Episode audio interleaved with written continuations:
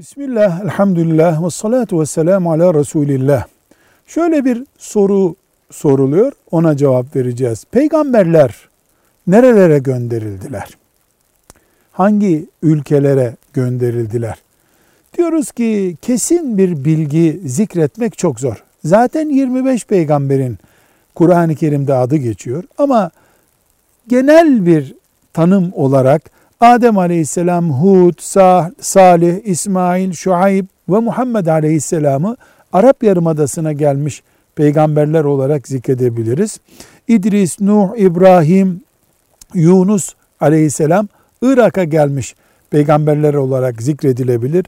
Lut, İshak, Yakub, Eyyub, Zülkifl, Davud, Süleyman, İlyas, Elyesa, Zekeriya, Yahya, İsa aleyhisselam da Şam ve Filistin bölgesinin peygamberleri olarak zikredilebilir.